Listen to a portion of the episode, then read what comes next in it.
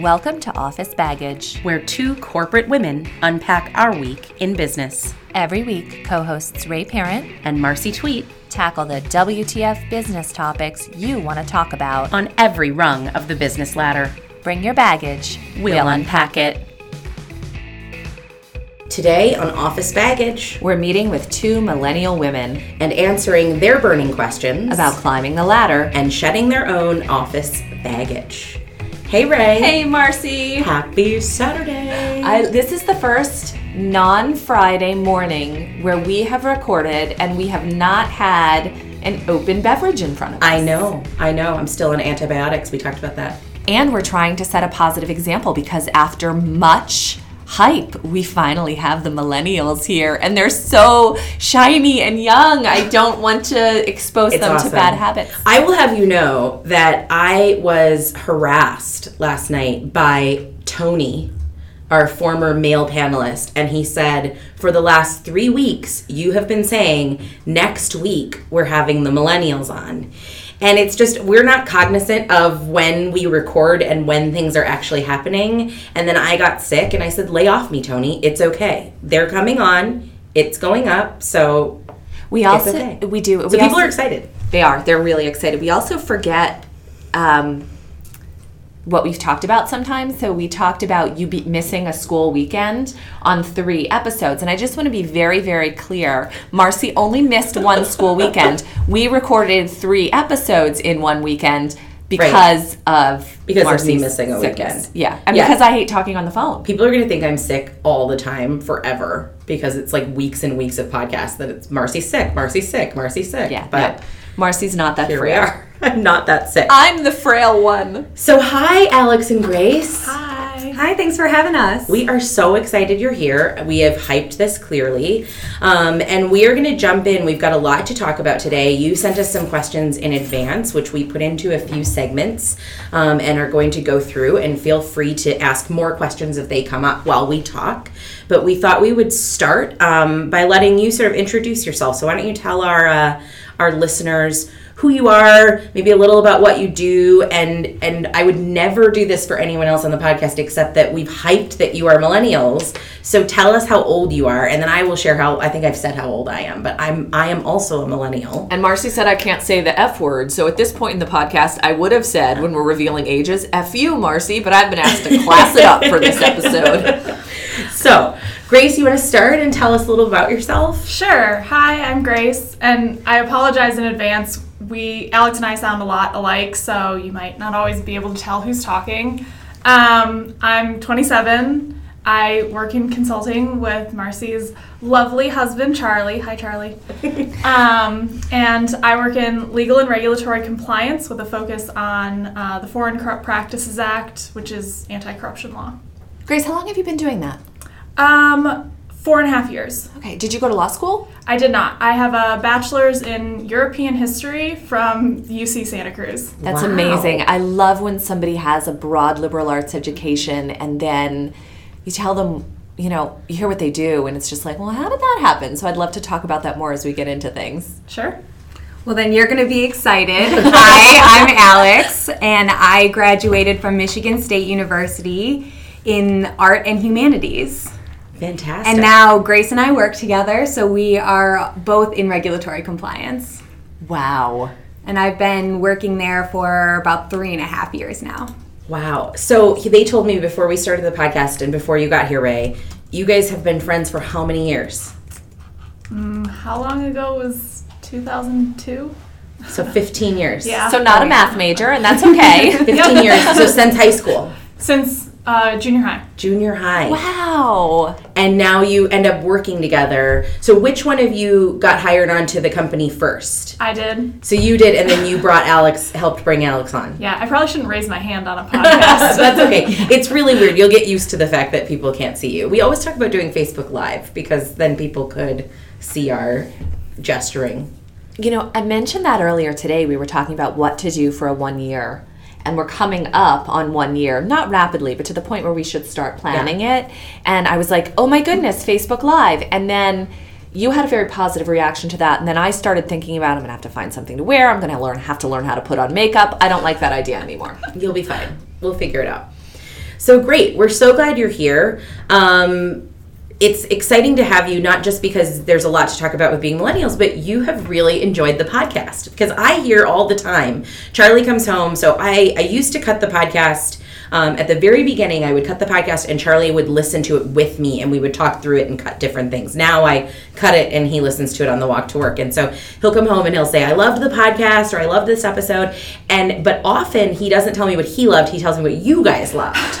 so I know you talk about it. So tell us, you know, shower us with praise for a minute. um, Marcy, really? what what has resonated? I'm just interested as a as as young you know women, and I I hate like it's funny because we're bringing you on. We're talking about you being millennials, and I am a millennial, and young can be used as a four letter word, right? And so I don't want you to think that I'm saying young women as a, a derogatory like you're so young kind of thing because I get that all the time.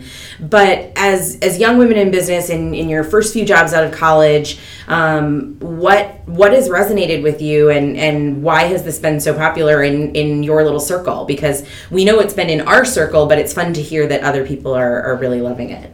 Well, I think the the big thing really is just your guys' personalities. I mean, it sounds like a conversation, and when I listen, I always think like, wow, they sound like such cool women to just hang out with. Um, and second, uh, a lot of the stuff you guys talk about, maybe if it hasn't directly happened to me, like I can clearly see how it has happened, Mm-hmm. um, or how it it could come about. You know. Yeah, absolutely. And we try to talk about the things that happen all the damn time, um, even though it's sad that they do. So it's it's good to hear though that uh, it's resonating because there are, there are moments where we say we'd like to talk about you know this or that, but we don't know if it will resonate. It's good to know. And it does feel very real. When I am listening to your guys' conversation, I can imagine myself being there. Yeah. We try to do that. Our professor made fun of us today in finance because he has listened to apparently hi uh, hi Peterson. Um, he's listened to every episode, and today I he called on me in class, and I had a moment where my brain just didn't go. And Ray whispered to me what I should say. And then I said, Ray, why don't you say what you just said since you're whispering it in my ear? And he was like, Wow, you guys have a really interesting banter. Maybe you should like do a show. so Peterson listened to the podcast and, And, yeah. and, and th- proving something I think that is exceptionally important for everybody to remember. If it were humanly possible to die from embarrassment, I would have done it. So it's not possible. So I want to ground truth us a little because we're talking about we're talking to millennials and we're talking sort of about the questions that millennial women might have um, in their careers. So I think there's a common misconception about millennial and that millennial is sometimes used as a as a really negative word and and I just simply don't think it is. So for those who might not be aware, um, some facts about millennials. The age range for millennials are people who were born between 1980 and 2000. So, generally, whether it be um, the greatest generation, baby boomers, Gen X, it's about a 20 year range. And you can imagine there's a lot of differences in that 20 year range um, from what people call old millennials to young millennials. Um, I've seen a lot of research. Um, we'll post on the website. One of my favorite researchers in the world of millennial research is a woman named Sarah Sladek, um, who runs a company called XYZ University that talks about generational differences. I've heard Sarah speak, and she often talks about the differences between millennials who had older siblings and millennials who didn't have older siblings, the millennials who were the youngest in their their family versus the oldest in their families, and all of that. So I think this label gets put on millennials all the time of being this certain type of of person, and some of that is true, but I think some of it is not. Um, so I'm interested to hear from you two. Do you identify with the word millennial? Do you own it? Do you like it? How does it feel to you? Because I even I am a, a cusper, if you will. I'm in those first couple of years of millennial years, and I I identify pretty strongly with being a millennial, but I see other Gen X tendencies in myself as well. Well, you sent us a couple of links about uh, like what defines a millennial, um, and reading those, uh, I definitely identify with some of that. It was really interesting. One of the statistics that stuck with me was um, four in ten millennials have tattoos, And um, I was going through my head of like all my closest girlfriends, and every single one of them has at least one, if not multiple tattoos. Interesting. including me. Oh wow, okay. So Alex has a tattoo, Grace Yes, I do. also a tattoo. Wow. And see, I am I do not have a tattoo. I do not have one either. Yeah. But I'm not included in the conversation because I'm not a millennial. Oh, it's okay. You're an Xer. It's gonna be fine. You can be an honorary millennial today. Thank you.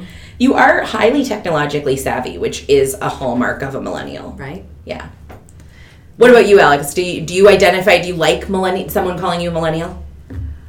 It depends on the context, that's for sure. However, I grew up with a computer in my room, so starting at about age 10, I have had the internet at my fingertips and have really had everything at my fingertips starting at a very young age. So I do definitely identify with being a millennial. I forgot to say at the top of the show, I was born in 1989, which makes me 28. I was born the same year as Taylor Swift, so if that doesn't make me a oh. millennial, I don't know what does. That does it. That does it. Absolutely. Well, to your point on having technology at your fingertips from a very young age, one of the hallmarks of the millennial generation that I think is exceptionally interesting is that you're on track to be the most educated generation in history. And I think technology has a major, major play in that.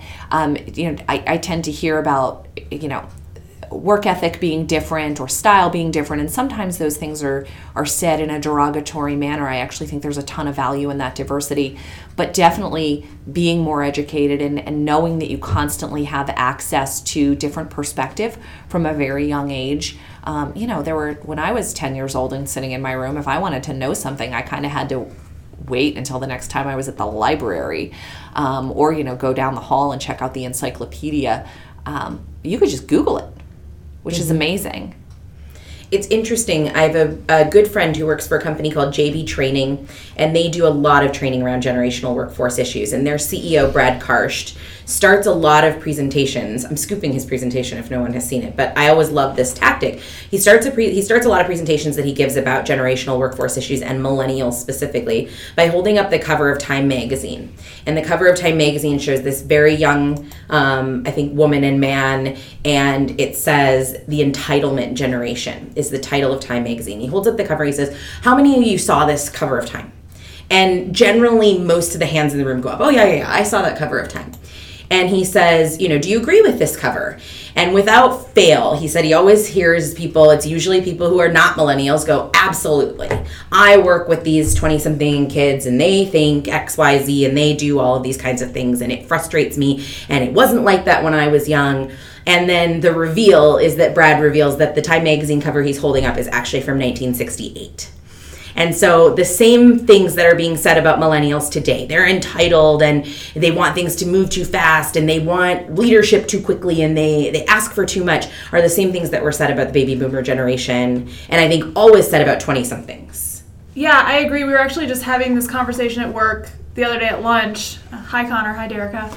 Um, where we made the exact same point that, like, you know, they everybody who says that millennials are are selfish and you know don't don't participate or whatever, like you can say that about any adolescent because that's the hallmark of adolescence, right?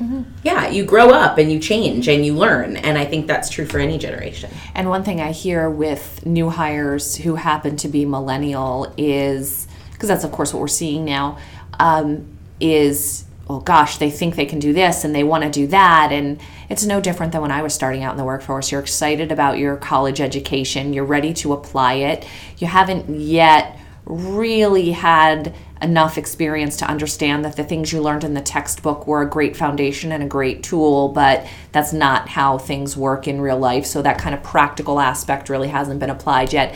But you know, when I when I hear millennials kind of criticized for their enthusiasm and wanting to aggressively drive their value, I, I it was the same with me and my peers when we were starting.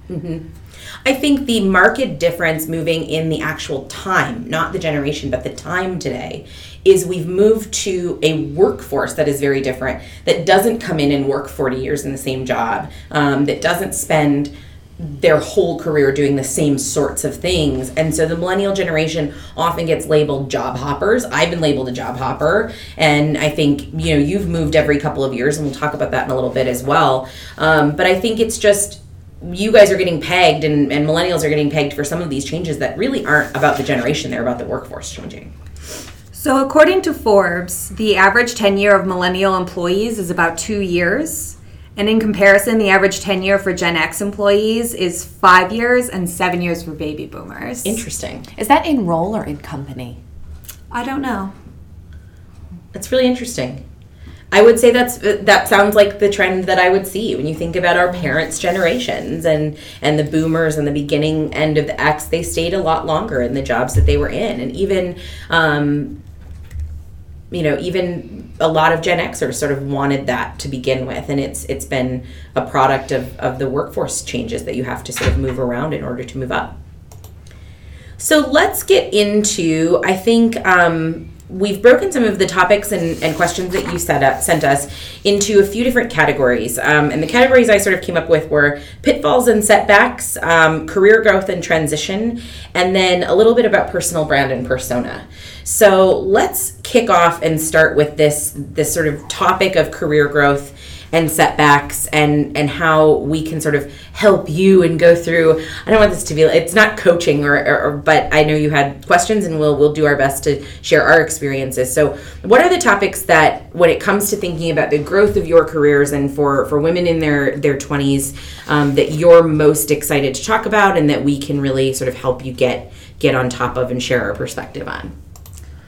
Um well i think it's hard to know at least for me, like, you know, when do you move on versus when do you stay? Um, you know, a, a lot of people now are saying to us, like, you shouldn't be in one job for too long because that looks bad. It looks like you've settled since so many millennials move around a lot. Interesting. Even if you like your job. Um, so, how do you know, I don't know, when it's a, a move is good for your career. Mm-hmm. And when can that move hurt you if you are moving around a lot? I've always been told that that reflects poorly.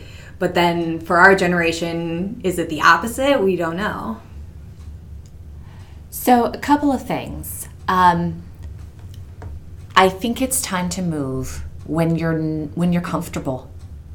And I'm not saying when you're comfortable moving, when you're no longer challenged in your job. When you show up every day and you know exactly what to do and you know exactly who you're meeting with, then it's definitely time to move.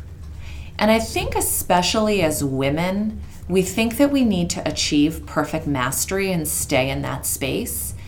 And we need to shift that a little bit. And yes, we should absolutely strive for mastery. It feels good to be the expert on something, but we don't want to stay there too long. I would uh, add a caveat to that because I think you're right, but I also think and you are not excited about what you do every day because I think there are a lot of people, and this is an issue. Um, a really good friend of mine heard Sheryl Sandberg speak right at the beginning of the Lean In thing. She was at a big corporation and they had invited, I think it was two or three hundred women. And she asked all the women in the audience, she said, raise your hand if you want to be the CEO and very few people raised their hand. And Sheryl Sandberg said, Well, there's one of two reasons you didn't raise your hand. Either one, you don't think you can be the CEO, or two, you were embarrassed because you didn't think that the people around you, you didn't want to raise your hand and show the people around you that you do. And I actually disagree, and there was a long conversation that happened after it at that corporation. I disagree with that. I think there are some people, and that's fine, that don't necessarily want a a huge trajectory career to get to you know the c suite and get to that level. So to me if you are comfortable where you are ha- doing the same things you feel like you've got the mastery under underfoot but every day you're still feeling really excited about what you do then don't go. Unless you've got you know you have to think about that 10 year plan but if you're still bounding out of bed to get to work and you're liking what you do and it's enjoyable for you i don't know that i'd tell someone to leave in that situation So I made some assumptions with my answer, and my assumption is that, that you're looking to grow your career. Um, and another assumption that I made is that if you are at the age range where you are, having worked the amount of time that you've worked, that you see some runway in front of you that you want to start moving down. Um, if that's an incorrect assumption, I No, I absolutely, think, uh, I absolutely agree with you. But even if you like what you're doing and you're bounding out of bed, there's always more to be done That's fair. there's always more to take on and I, I think that if you're not learning and growing even if you're excited and having fun and you see a runway you want to run down you got to get moving and that often mm-hmm. involves and i'm not saying you necessarily have to leave the company but i think those are the moments where you speak with your network or your supervisor or probably better said your network and your supervisor and you talk to them about your ambitions. And it might not be about moving jobs. It might be about hey, I noticed that, I don't know, pick something random. I noticed every month you contribute to a letter that ultimately goes into the something that goes to the CEO for a briefing. Can I help you write that letter? So it doesn't have to be about moving mm-hmm. out of a role. It can be taking on more within role to help people understand that you want to do more. Then you kind of win on both sides. Absolutely. I think that's that's hundred percent true. The other thing I would say about that um, is think about whether or not you're staying in a role because you're happy or if you're complacent and really take the time to examine what that looks like um, i met with someone a couple of weeks ago who's actually in her late 40s and is considering a, a job switch and she said that her career coach said to her you're far too young to not be scared at your job every day. like you should be scared. You should take risks. You should you know um, one of my favorite things to say to my boss is you know let's do something that could get us fired today. Like let's do something that's a big risk that could pay off but if it doesn't like wow okay we might be in trouble.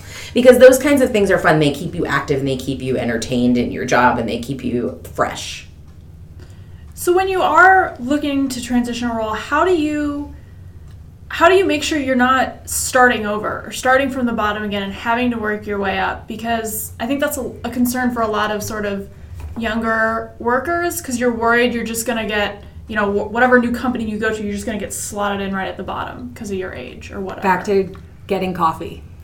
Sure, I'll I can start with that because I've I've done a couple of transitions and you have too um, in different industries and different jobs. I think one of the things that women don't capitalize on enough are transferable skills and being able to sell their transferable skills. And I actually think this is an incredibly powerful opportunity for millennial women because one of the hallmarks of millennials and I love it is that we are technologically very savvy. We are first adopters of technology. Um, one of my big pieces of advice for millennials is keep doing that, keep learning about what the new tech is.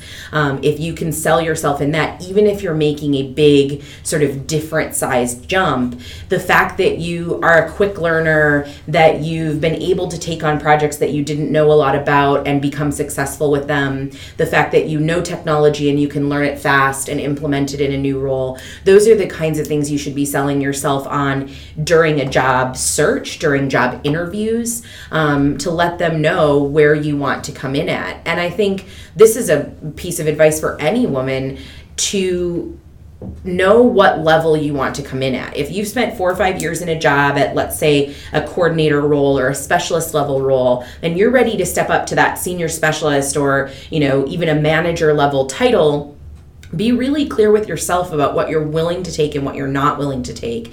And i think one of the mistakes that that women make even you know at, at higher levels is we assume that they're going to ask us to get the coffee or they we assume that we're going to be put in an assistant level role because maybe that's where we've been when you're looking for jobs and interviewing for those jobs position yourself in the way that you're selling yourself as a manager, not as a coordinator who wants to be a manager. Think about what those skill sets are and how you've been able to manage people or manage projects in a way that already puts you at that level.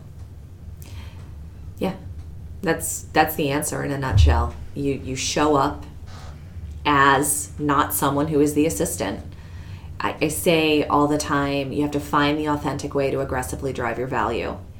And when someone assumes that because you might be the youngest person in the room and You might also have the double whammy of being the youngest female in the room, that you're naturally the one taking notes, or you're the one who's going to make the copies if the person running the meeting shows up with only one copy of something. Th- There's an there's an element of I call it cultivating a microaggression. Do you know what a do you know what a micro okay? Just that split second, are you freaking kidding me? Look on your face mm-hmm. with a little smile and maybe you go do it, but you've made it very very clear that it's a one-off because you do kind of have to you do have to manage uh, your your personal brand and you don't want to unfortunately this is still a risk or an issue come across as unhelpful or unkind. And as much as I hate that I have to say that you know that there's definitely an element of that. But you do have to cultivate your no that that's not me face. Um, so that people understand where you're positioning yourself. It's how you carry yourself, it's how you speak, it's how you dress, it's how you respond the first time you get interrupted in a meeting.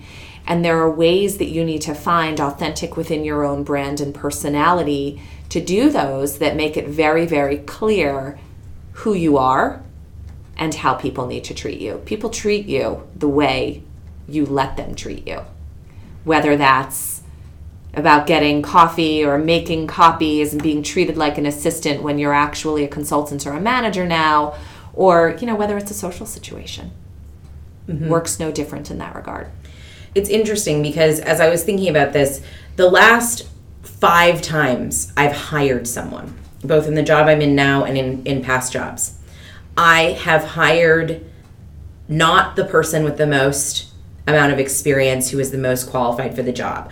I have always hired the person who's come in and said, here's why I know I can do this job.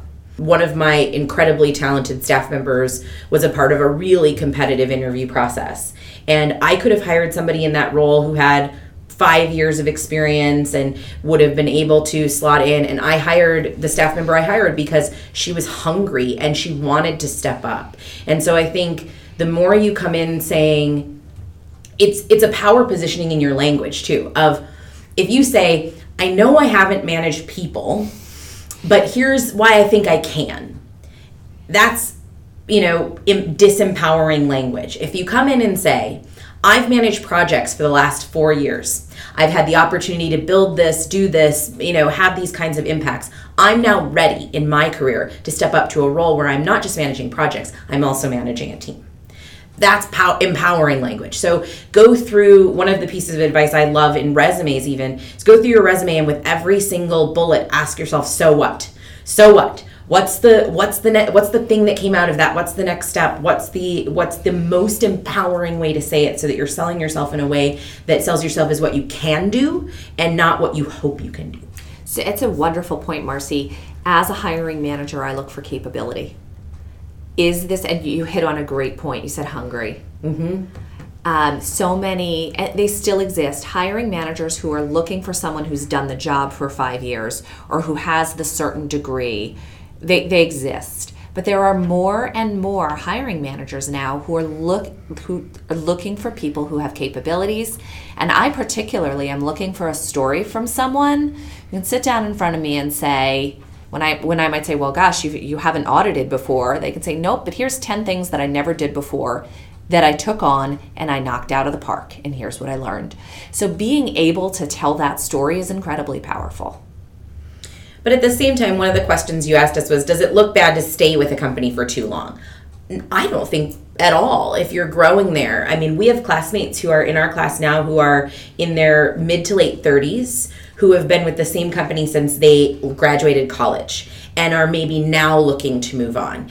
And they're incredibly attractive because what an employer sees in someone who's spent 10 plus years with a company is someone who's loyal, someone who has found a way to move up through the ranks within a company, has found new things to do. They're scrappy. They're, you know, it's it's two sides of, it, of the same coin, and neither is negative. What someone sees when they might look at my resume, it could be positive or negative either. Is someone negatively might see a job hopper, or someone who's moved around every two or three or four years, um, and someone else might see somebody who's hungry, who's moving up all the time, who's always looking for that next thing. And so either side of the coin, do what's right for your career and there's ways to sell that even if you've been with the same company for 15 years. I love seeing someone who's been with the same company for quite a few years. That might be a bias. I don't like to see someone enroll for a long period Right. of time. But I do like to see someone who has been in a company for over five years and who's taken on a couple of different roles, especially if those are of increasing responsibility. And I mentioned that maybe that's biased because that's very much what my own career looked like six years with Accenture, 11 years with the Hartford, um, at four years where I am now, but I haven't had a job for longer than two years. And most of the time, if you average it out, I think I average it 18 months because it's always something different and a little bit bigger every single time. And so I actually interviewed um, the first job I, I think I ever applied for after my initial stint with Accenture was after the financial crisis at the Hartford. I'd been at the Hartford for a while. And uh, there was a strategy position at another insurance company, and I actually like sent my resume and sent a cover letter and got scheduled for an interview. And the hiring manager comes in and sits down. He goes, "I just had to talk to you to figure out why you couldn't keep a job." And I just thought it was hilarious. We had a wonderful, wonderful conversation, but we actually spent a lot of time in this space of what, as hiring managers, do we see when we see someone who consistently moves? And the story of, hey, I don't know, I show up, I do my job, and then the next thing shows up and it's kind of bigger and it's fun and I take it can be very, very, very powerful.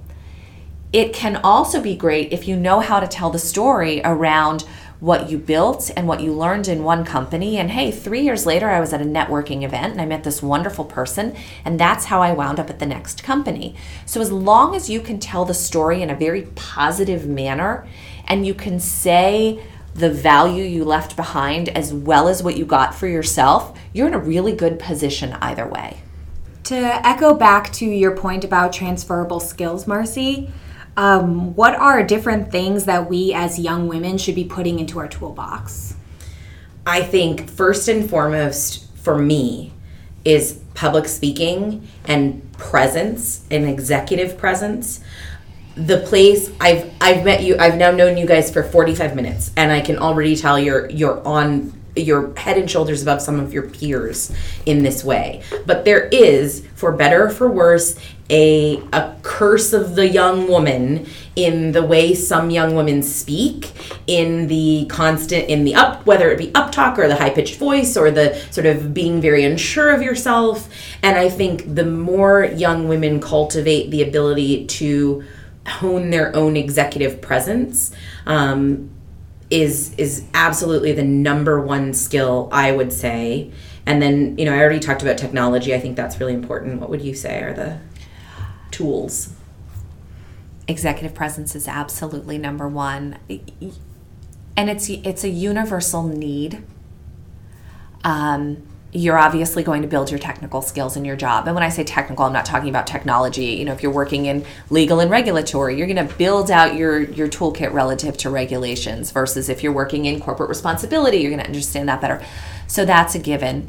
But your ability to develop that executive presence. And so if we go a little deeper in that there are tons of technical experts out there in any field. Synthesizers win the day.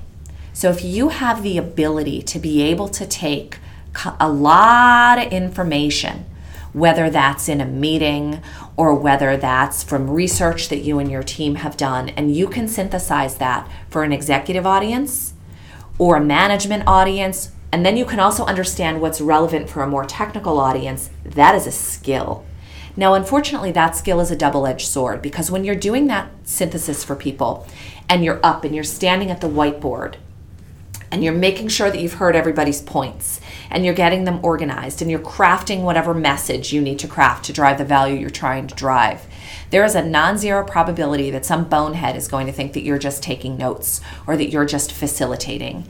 And what I would say in that moment is just breathe the moment down because it will absolutely happen. But the joke is on that moron.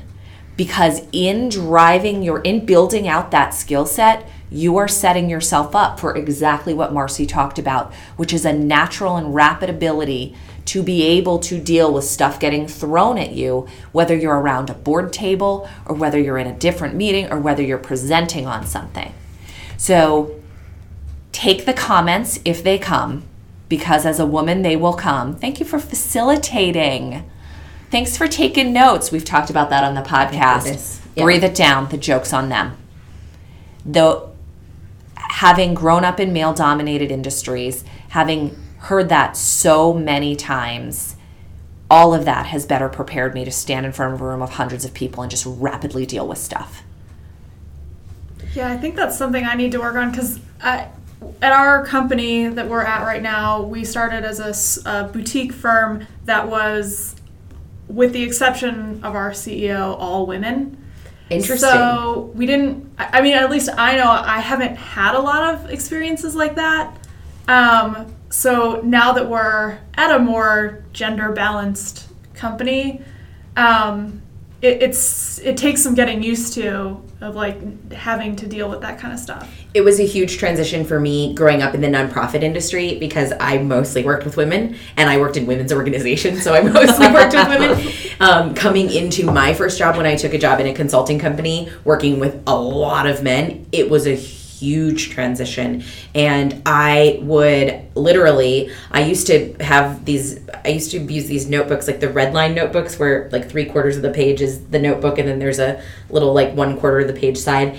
And every meeting, I would make little tick marks on the notepad every time I talked because I wanted to make sure that I spoke in every meeting because and I'm not somebody who's easily intimidated, but having never worked with men and especially older men, um, I was very intimidated to speak, and in every hour meeting, I would try to talk at least five times.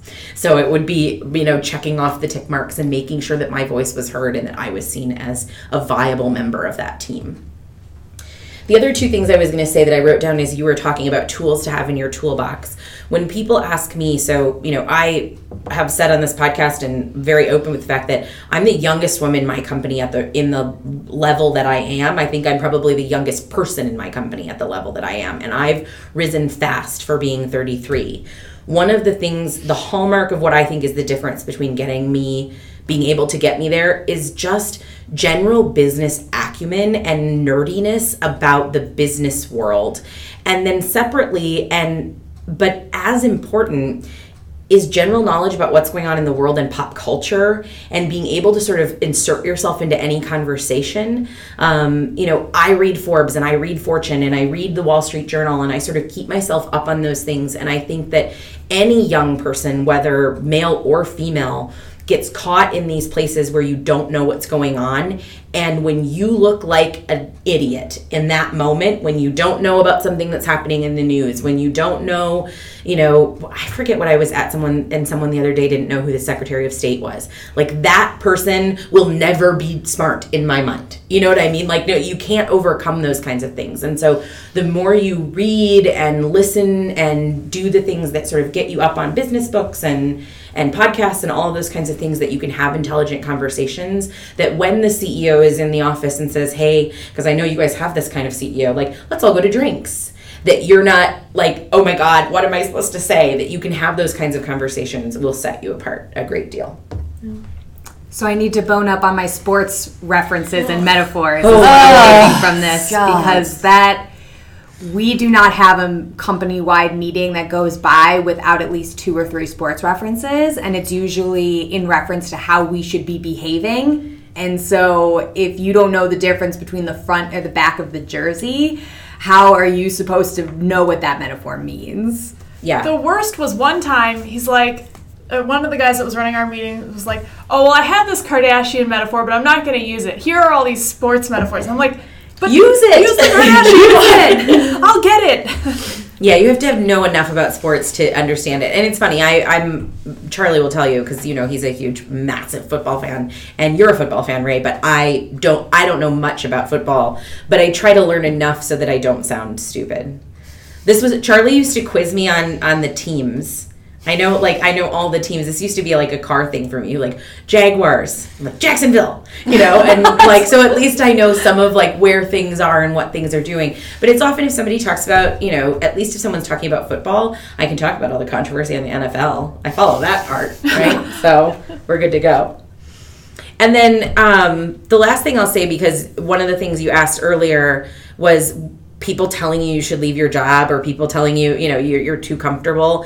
In some of those places too it's an opportunity at the time that you're at if you're feeling like you've learned a lot is to look for external leadership opportunities as well whether it be an advisory board on a nonprofit or an industry group of some sort that you can get involved with or a women's group that you can get involved with. There are opportunities to gain leadership whether you're job searching or not job searching um, external to your company as well And as you're having dialogue, either in your company or outside of your company, about what's next for you, you need to feel free to bring all of the value you bring as a human to the table. So, not just have a conversation around what you do when you show up from eight to six every day in the office, but the way you contribute outside of the office is completely appropriate and fair game as well, and can be brought to an interview around skills you've built through your nonprofit work or what have you. Absolutely. People want to hire people, not, you know, office drones. So the more that you can cultivate that kind of ability to talk about yourself in a way that feels um, comfortable is really great.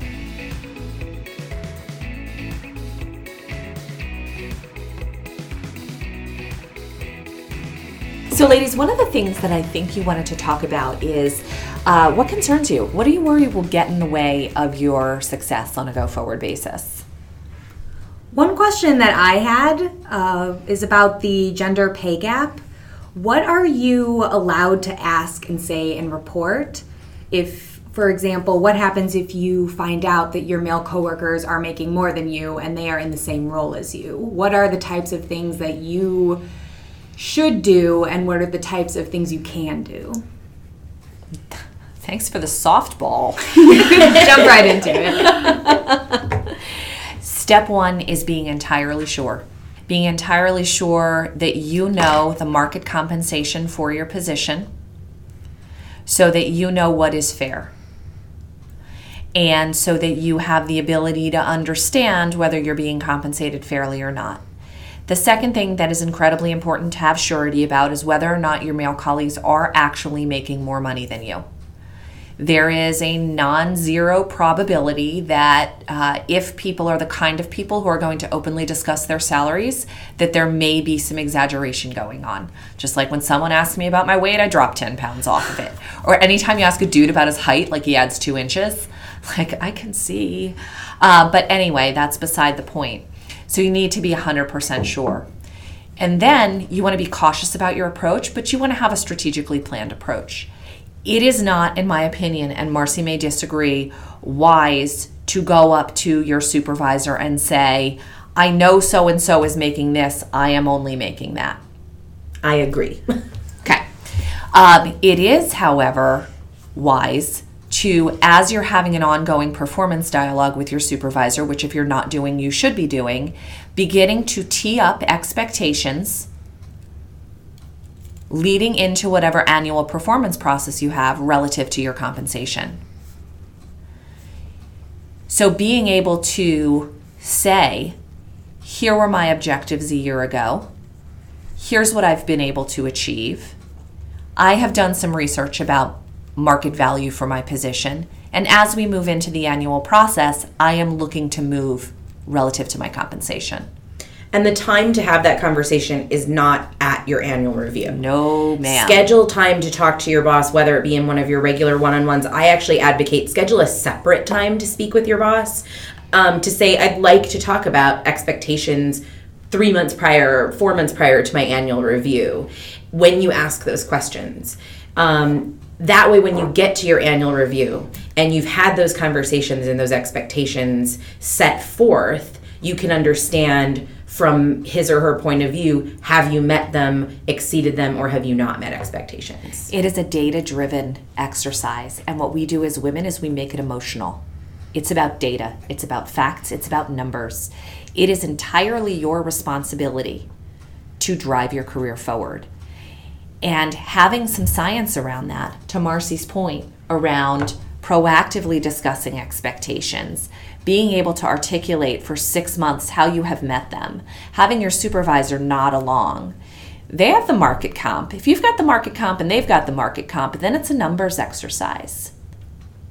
And listen, you you and I both work in really big companies that sometimes have flexibility in the way that they that they do this. Small companies might not have that same flexibility. So think about what your contingency plans are because I've just I, I say that and then I'll throw that out the window because I work for a big company and there are times when you want to get a 10% raise and you get a 2% raise and your boss maybe went to the bat for you about a 10% raise and the decision is made at a much higher level that he can't control that you can't control that nothing can control so when you get a no even if it, there's a you know you've done the salary review you know what level you should be paid at you know what you're asking for and the answer comes back from the company as no whether it be because they can't afford it because it's not in the cards right now because the expectations aren't met the next question is in order to see me grow to this level, what would need to happen? What are the kinds of activities you would need to see me engage in? What are the kinds of successes you would need to see me have in order to fight for this promotion, this raise, this, you know, opportunity down the road for me? Hopefully there will be some clear things to do and hopefully at the end of that process there will be another clear conversation. But the other opportunity there is don't think of salary as the only negotiable option as well. We just both went through negotiations class here at kellogg. Um, there are a lot of other things that you can negotiate. So a company might come back to you and say you know what? Right now our hr stuff is capped. We are in a salary freeze. There's nothing i can do. An appropriate ask at that point might be you know, I'd really like to take some extra time for professional development. Is there a conference I could seek out and ask you to pay for to send me to? Because that's a completely different budget. There might be something there. Is there another team I might be able to work on? Is there something else? It's those times of think about the other issues that are negotiable for you of can they help you pay for something else? Can are you thinking about what's next in that regard and put something in that's not just salary? And I love putting that multi issue offer on the table. Of course, we all like cash, right? Cash is good. Um, and I mean salary by that, I mean a higher bonus target by that, what have you. But being able in that dialogue to articulate that you understand that for additional money, you are going to give them additional value is huge. And so to, to say, I'd like to go to a couple of conferences so that I can increase the tools in my toolkit and apply them here on the job is powerful in multiple ways. Not only do you get something for yourself, it might not be cash in this case, it's additional knowledge, but you're showing them what's in it for them. And there has to be something in it for both parties in any negotiation. Yeah, absolutely listen, we both know how frustrated it is to sit in a, a room and realize that the person sitting next to you makes more money than you. And usually what comes with that is makes more money than me and is not as good as I am. that's that's immediately what comes after that that conversation. And it's frustrating. Um, but it's it's one of those things where as hard as it is, you have to focus on yourself in that in that what are you valued at in the external market? Do you know your value? And then the end of that is if you've gone through that process, if you fought that good fight, and the truth is it's the end of the salary road there for you, for, you know, then you're in a place, and we've all been in this place where you gotta go. Um, because you have to think about the trajectory of your career and of your salary and what are your goals in five years? What are your goals in 10 years? And you have to make those choices I've, I think I've talked about on the podcast when I was working at Women Venture and made the jump to Pillsbury United Communities. I was recruited to Pillsbury. We had some board crossover. I was very excited about the role, but I was Women Venture is still to this day like my heartbeat. Like I loved that organization. I loved everything about it. And I'll say at the time, it's so funny. Like I go back and I think like, oh God, I made Minnesota nonprofit level dollars, and it was just. and I was very. I, I was 20, 20 I left. I think I was twenty three years old when I left Women Venture. Twenty four years old maybe. Um, and I was making forty four thousand dollars a year, and I was being offered fifty six thousand dollars a year. And I went back to my I went back to Women Venture and I told them I had an offer on the table and I asked for more money because the truth was, as excited as I was about Pillsbury, I didn't want to go.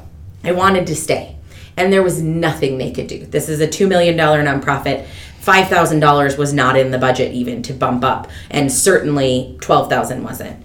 And I made the decision to leave, and it was a great decision. But when I look back on that decision for myself, I knew I had to continue growing my salary because that was the next job. The next job was going to be 65. The next job was going to, you know, you have to make those jumps. And it's a really hard place. And I remember at the time feeling greedy.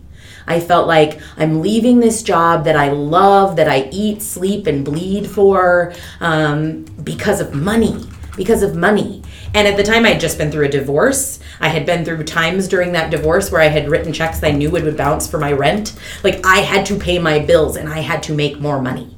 And so there are times in your career where you have to be selfish. So go through the motions to ask for everything you can and to get your boss and your your teams to go with you on that. But if they can't, there that's the moment where you have to say now i have to be selfish about money in my bank account And this is where, you know, a couple of points we've discussed kind of come together a little bit. There's absolutely a financial reason sometimes to move, but do not miss the opportunity to reinvent yourself in that move. I'm a so this is, sounds really it sounds really um, bad to I feel badly saying it, but I'm going to say it. I'm a really good boss. I'm a really really good manager. And I'm extremely, I'll use a Marcy term, woke when it comes to biases. But I have this wonderful woman who used to work for me, we'll call her Sue.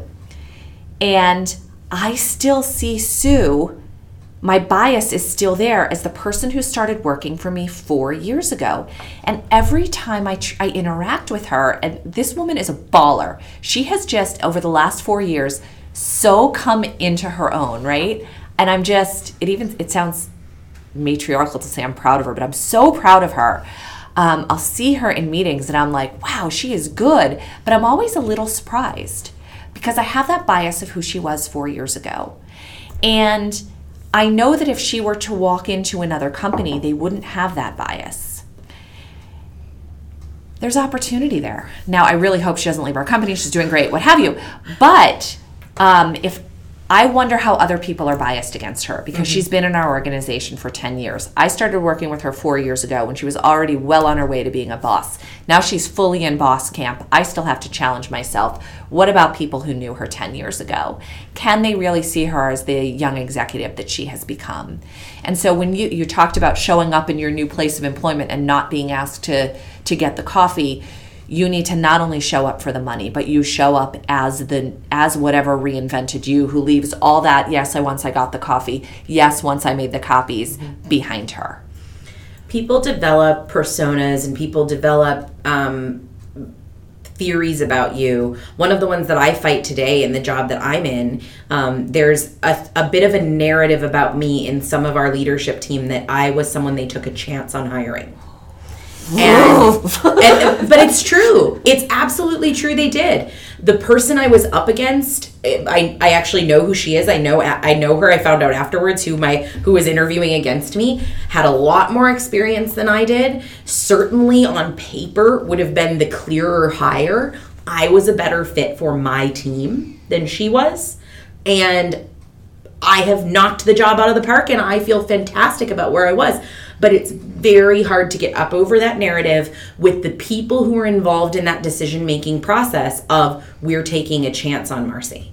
It's very hard. You can do it, but it's very hard. So those are the moments where, you know, if you feel like there's a narrative about you or surrounding you that you can't get up over, then again, those are those turning points where you have to sort of watershed moment.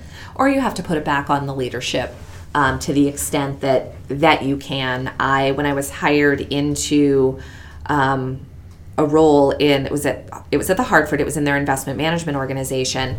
The man who hired me had a reputation for hiring pretty women, who, yeah, legit. Um, I didn't know that at the time.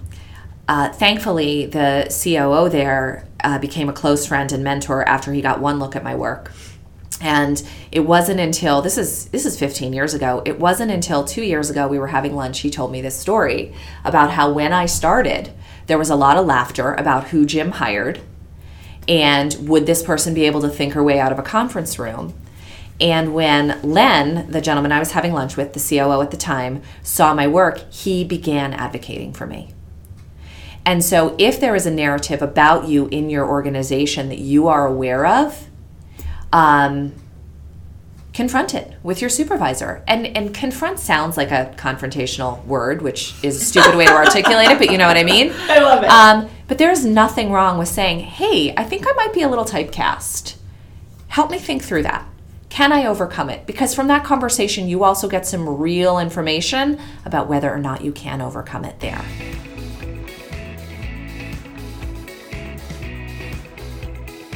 You've just heard the first half of the exciting conversation we had with Grace and Alex, our millennials. Tune in to our next episode for the second hour with these incredible women.